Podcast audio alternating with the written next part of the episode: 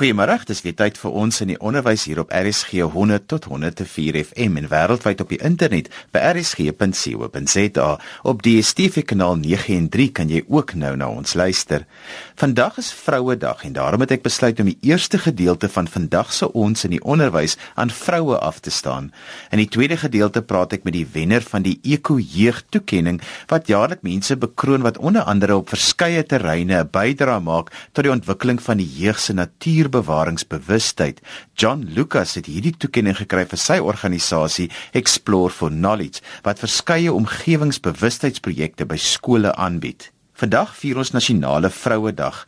Ek wou by 'n paar leerders van die hoërskool Belwel hoor watter onderwyseresse vir hulle as rolmodelle uitstaan. Ek is Vicky Lee Willemse, ek's in graad 12 by Hoërskool Belwel. 'n Vrou wat definitief vir my um geïnspireer het, onderwyser in my lewe is my ma.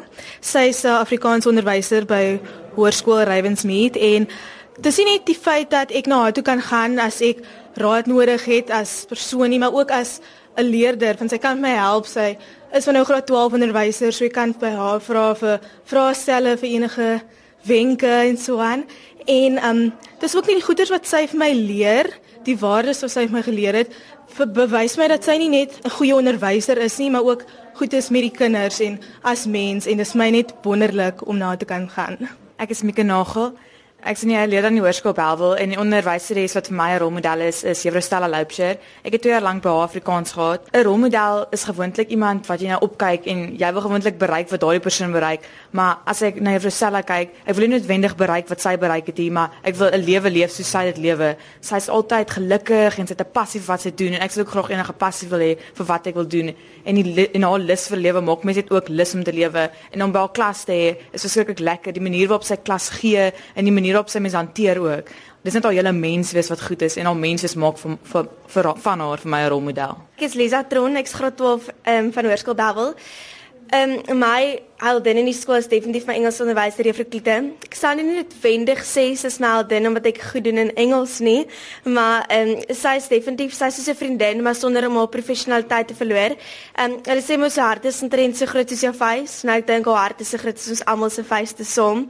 Ek voel sy is 'n baie jong onderwyseres, maar tog het sy soos die lewenskennis van 'n bejaarde en sy het my net die vermoë om haar kennis na ons toe oor te dra. Sy het my al baie gehelp in my lewe om skille vir my oë af te haal en om my help aan 'n hand vir ander te wees, net so vastig in my geloof te wees. En sy stel my net vir 'n baie goeie voorbeeld hoe om met jou glimlag en geloof deur die wêreld te kom. Um, my naam is Kellen Adams. Ek graad 12 in Belwel Hoërskool. My heldin in die skool is Juffrou Marlene Burger.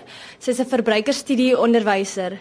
Die rede hoekom sy my heldin is omdat sy sy was gediagnoseer met borskanker en sy het nooit moed opgegee nie. Sy het altyd gekom met 'n glimlag. Sy was nooit kwaad of hartseer, nooit moeg gelykie. Sy was altyd 'n braaf gesig voor almal in die klas. Sy verwag ook beter van my as wat ek van myself verwag. Sy laat ek streef tot hoër hoogtes.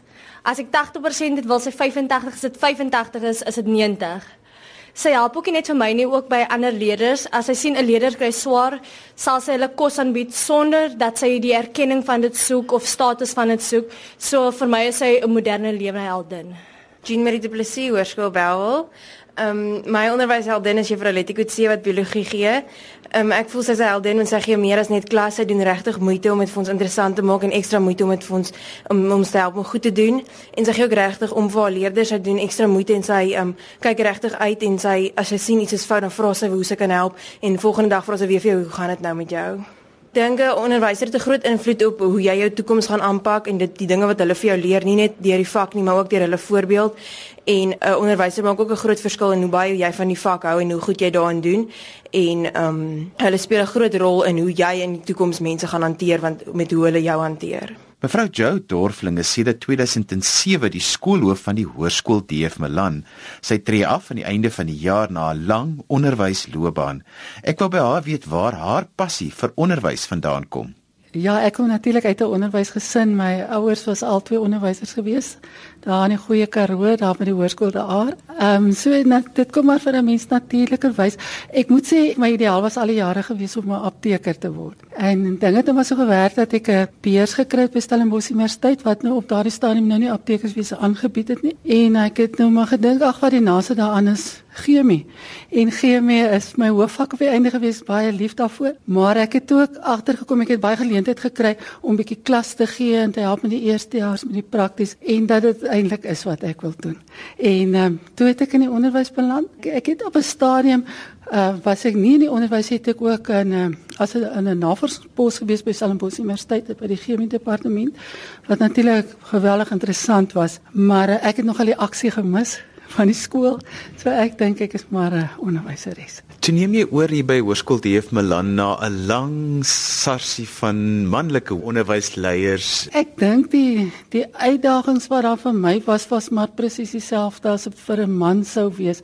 Ek dink nie ek het dit enigsins anders ervaar as die mans nie. En die leerders en die personeel het my ook die gevoel gegee dat dit vir hulle vreemd of snaaks is nie. So dit het dood natuurlik gekom. Dit was nou mos nie elke dag ewe maklik nie, maar ek dink vir my manlike voorgangers was dit ook nie elke dag regtig ewe maklik nie. So ja, dit het vir my eintlik nie um, regtig moeilik gekom of vreemd nie. Vir 'n populasie wat soveel vrouens het, is daar nog steeds 'n beperkte vroue leierskap in die onderwys. Hoekom is dit so? Ag ek dink uh, die vrou is tog maar primêr die ma in die huis en um, dit is moeilik om die balans te hou tussen kinders grootmaak alhoewel ek moet sê deesdae se mans haal ek my hoed voor af hulle staan hulle plek vol in die kombuis en kinders help grootmaak maar um, ek dink aan die een kant dit is moeilik vir vrouens veral met uh, as kinders nog 'n bietjie jonk is later gaan dit sekerlik beter. Maar ek dink ook daar is 'n persepsie nog onder vrouens dat hulle maar half iewers bietjie terug staan want dit is nie eintlik my plek nie. Ek meen ons is nou in die 21ste eeu maar dit is tog definitief nog 'n sterk neiging onder vrouens dat uh, ek hoor nie eintlik daar nie. Dis eintlik die man se werk.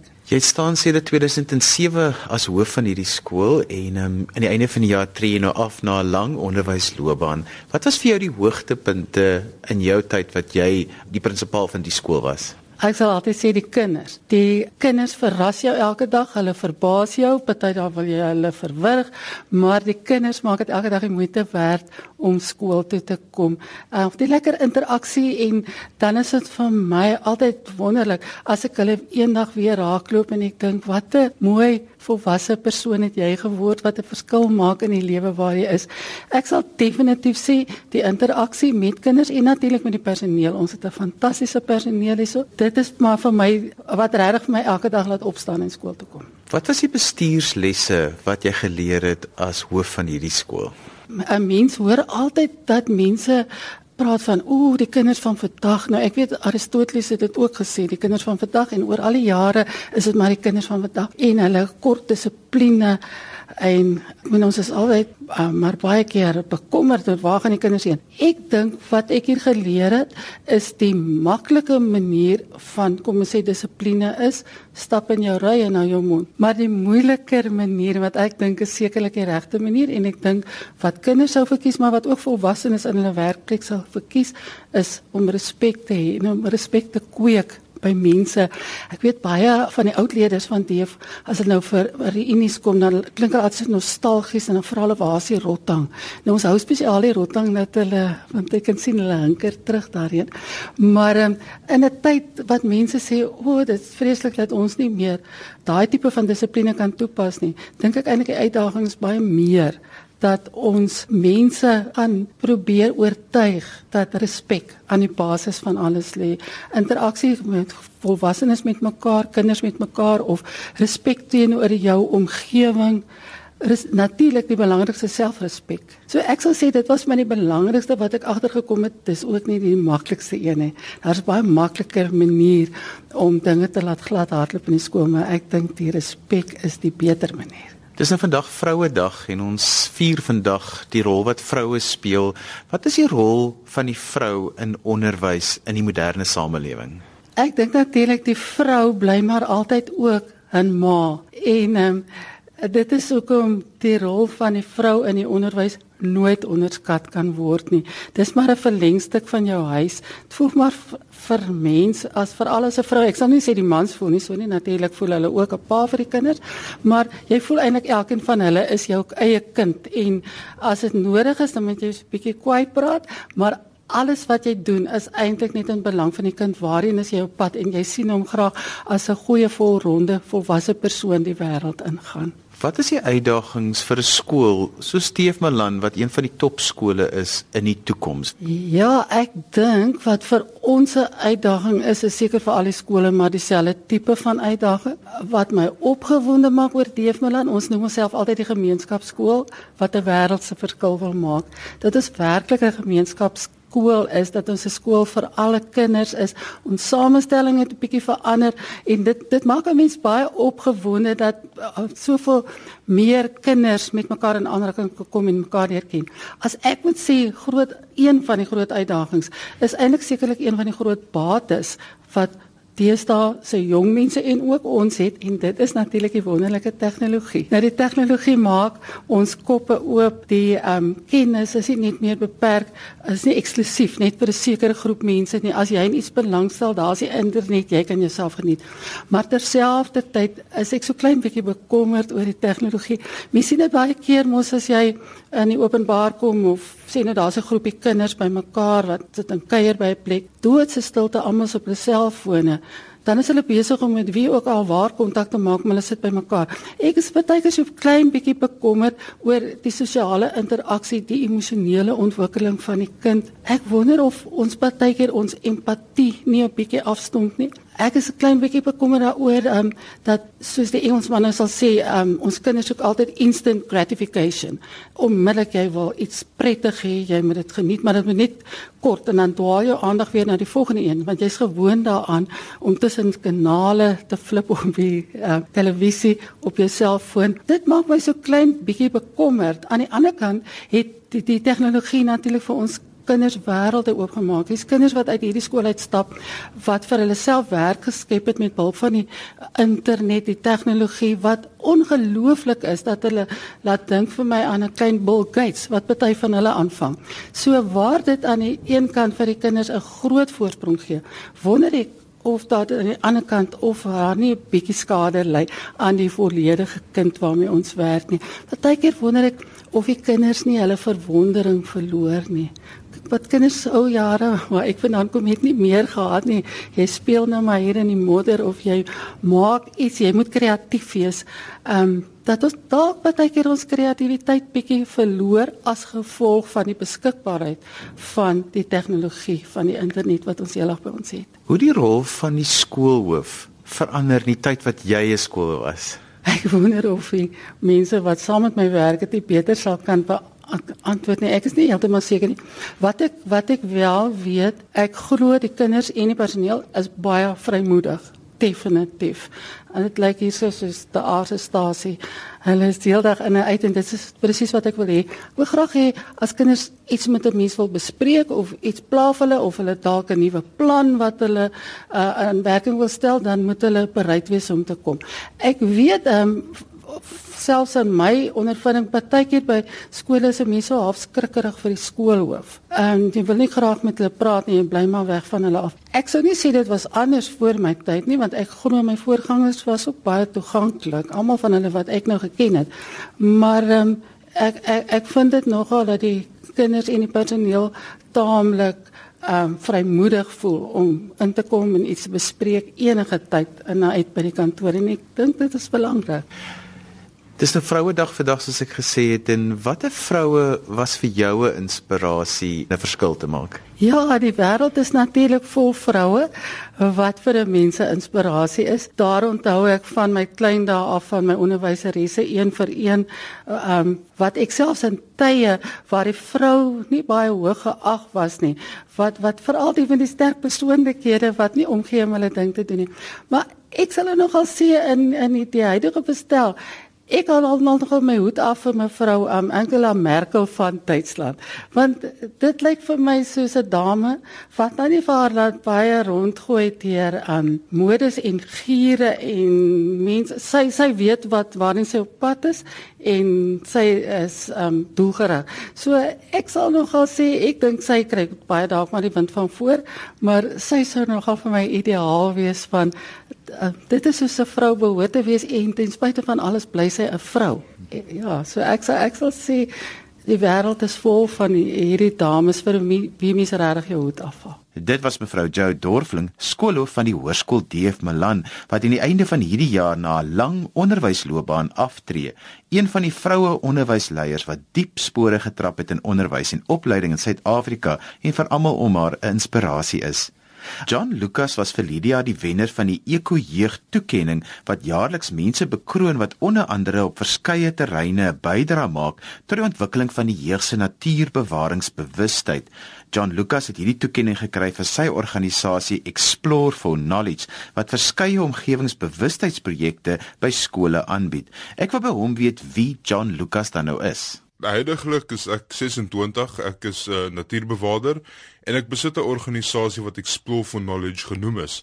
En basies wat ons doen is ons vat omgewingsopvoedkundige projekte en navorsingsprojekte en ons maak dit beskikbaar na plaaslike skole en omgewings. So vir die afgelope 2 jaar werk ons op die Olifantsrivier in die Wes-Kaap. Dit begin daar bo in die berge plus Kanserus en dit loop af Klein Willem Dam toe en van daar af kom hy op die kus daar by Loetswil se wêreld uit. En ons werk met die skole en die gemeenskappe daarso om basies die the plight of water om hulle van water te vertel en hulle basies bewus te maak van die van die waterbron self en al die probleme en die stresse wat daarmee saamgaan. Al die goeders hoe ons water affekteer en wat ons doen. So ons ons gebruik ons projekte saam met ons borgers wat basies al ons onkoste dek en seker maak dat ons in die veld kan werk en ons doen kampe, werkswinkels en 'n paar projekte saam met die skole in die omgewing en ook plaaslike Kaapse skole. Ons vat hulle uit saam met ons en ons spandeer naweke saam met hulle in die Cederberg.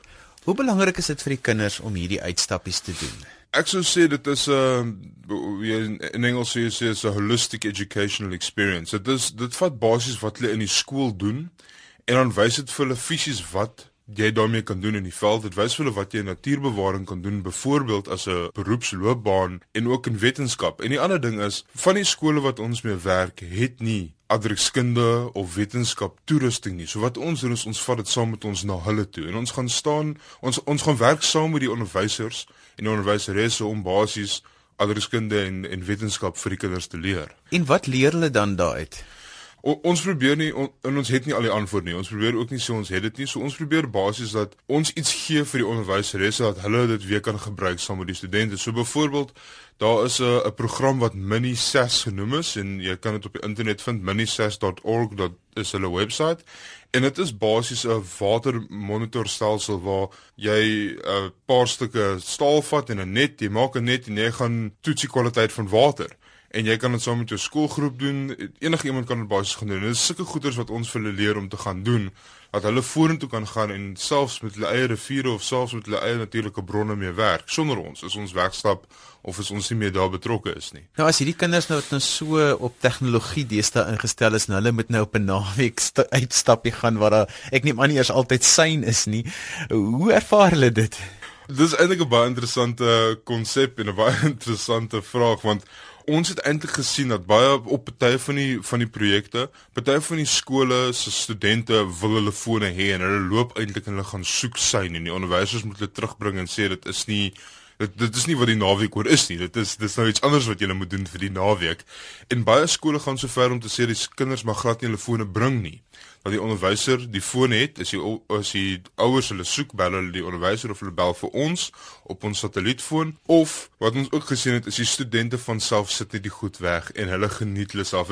Na daai eerste dag wat hulle eintlik sien wat aangaan, besef hulle dat eers ons gaan in die riviere swem, ons gaan kyk wat in die riviere aangaan, ons gaan op staptogge ons vat die 4x4s uit in die berge in en ons gaan doen monitor van diere of van plante. So die kinders na so eendag in die veld sal met ons besef dat jy's daar's so 'n bietjie meer as net hulle selfoonskerm voor hulle. En um, dit is eintlik 'n ongelooflike ding om te sien en te beleef. Nou onderwysers wil deesdae maar graag die kinders wegkry van die tegnologie bietjie in die buitelug kry. Ek is self 'n groot voorstander want ek dink van die meeste goed wat ons geleer het op skool was juis op hierdie naweek kampe. Presies, ja. So as skole met julle wil kontak maak, verduidelik gou vir hulle hoe dit werk en wat is die prosedure? Okay, so ek Explore for Knowledge het hom omlangs het basies uitgegaan na spesifieke areas toe waar ons waternavorsing of navorsing gedoen het en daarmee daai skole gewerk en in die afgelope jaar het baie skole dwars oor die land vir ons gekontak en gesê hulle wil basies dieselfde tipe ding vir hulle skole. Hoe werk hulle saam met ons? So ons is nou juis besig om op ons webwerf explore die nommer 4 knowledge.com so exploreforknowledge.com ons is besig om 'n join us blad te bou waar daardeur skole kan met ons kontak maak. Hulle kan kinders op toere saam met ons stuur of naweke wegstuur waar ons basies hierdie kampe en ekspedisies reël saam met die skole. So ja, die maklikste manier is om deur ons webwerf vir ons in die hande te kry. Anders op alle social media, explore for knowledge is daar. Like us, join us, follow us wat ooit dit is. So ja, dit is maar die maklikste. Ons dit op ons webwerf. Nou hierdie wat jy vir hierdie jaar die prys voor gewen het, vertel bietjie daarvan. So die die Enviropedia Awards of Ecological Awards is 'n is 'n jaarlikse toekenning wat uitgegee word deur die Enviropedia organisasie. Hulle is in Kaapstad gebaseer. En basies het hulle verskillende kategorieë van water na eco warrior na youth category toe. En ek het laas jaar die jeug kategorie gewen vir 'n uh, individueel onder die ouderdom van ek dink is 25 wat ehm um, groot invloed of uh, projekte bestuur wat which is basically the innovation in science or the innovation in conservation moving forward with the ecological theme. Ek weet nie hoe om dit in Afrikaans te sê nie, maar daar sê in Engels. So ja, ek ek was geëer om die prys laas jaar te wen. En ehm um, ja, dit was net baie interessant om te sien uh, om in 'n kamer vol mense te wees wat almal iets positiefs en goed doen vir die omgewing. Baie van die keer dink mense hulle staan alleen of hulle projek is die enigste ding wat iets aanpak, maar dit was lekker om in 'n kamer vol mense te wees wat almal baie baie goeie goeders doen en en saamwerk. Nou die inskrywings is nou weer oop vir hierdie jaar, so hoe werk dit? Ja, yes, so daar's ehm um, ek dink is nou 2 weke ekstensie op die inskrywings. So um, ja, jy, jy kan na die Ecologic Award webwerf toe gaan of Enviropedia webwerf. Jy kan daar vir hulle Google, dis maar die maklikste manier. En daar's 'n tab waar jy op kan klik wat sê 2015 uh, entry forms. En dit jy vul dit op die internet in en hulle vra vir jou 'n paar vrae en uh, jy kan of baie van die mense nomineer hulle self of jy kan iemand anders nomineer. Laas jaar was ek genomineer en ek het nie eens geweet ek was genomineer tot ek gebel was om te sê luister jy moet nou die toekenning toe kom nie. So um hulle vra vir jou inligting oor jouself of wie jy wil nomineer, so 'n paar vrae oor die projekte en die vorentoe the forward vision of your projects. En dan ook gee hulle vir jou 'n plek om 'n paar um reference briewe in te sit, 'n paar foto's net om vir jouself so 'n bietjie te bemark ook as 'n organisasie of 'n individuele persoon. En dan stuur jy dit na hulle toe. En dan is dit 'n hele proses wat hulle deurgaan om weer te kies wie nou die kategorie wenners is. En ja, daar's 'n hele klompie kategorieë, so dit is nou nie net net vir die jeug of net vir water of of so nie. Jy kan gaan kyk, dit is vir innovative technology that's making a difference in conservation. Ehm um, soos ek gesê het water, jeugkategorie, eco warrior kategorie. Ehm um, so daar's daar's 'n hele klompie verskillende maniere of goeders wat jy voor kan inskryf. En so gesels John Lucas. Dis aan alwaar vir ons tyd het vandag. Dankie dat jy na ons in die onderwys geluister het. Tot volgende Sondag van my Johan van Lille. Totsiens.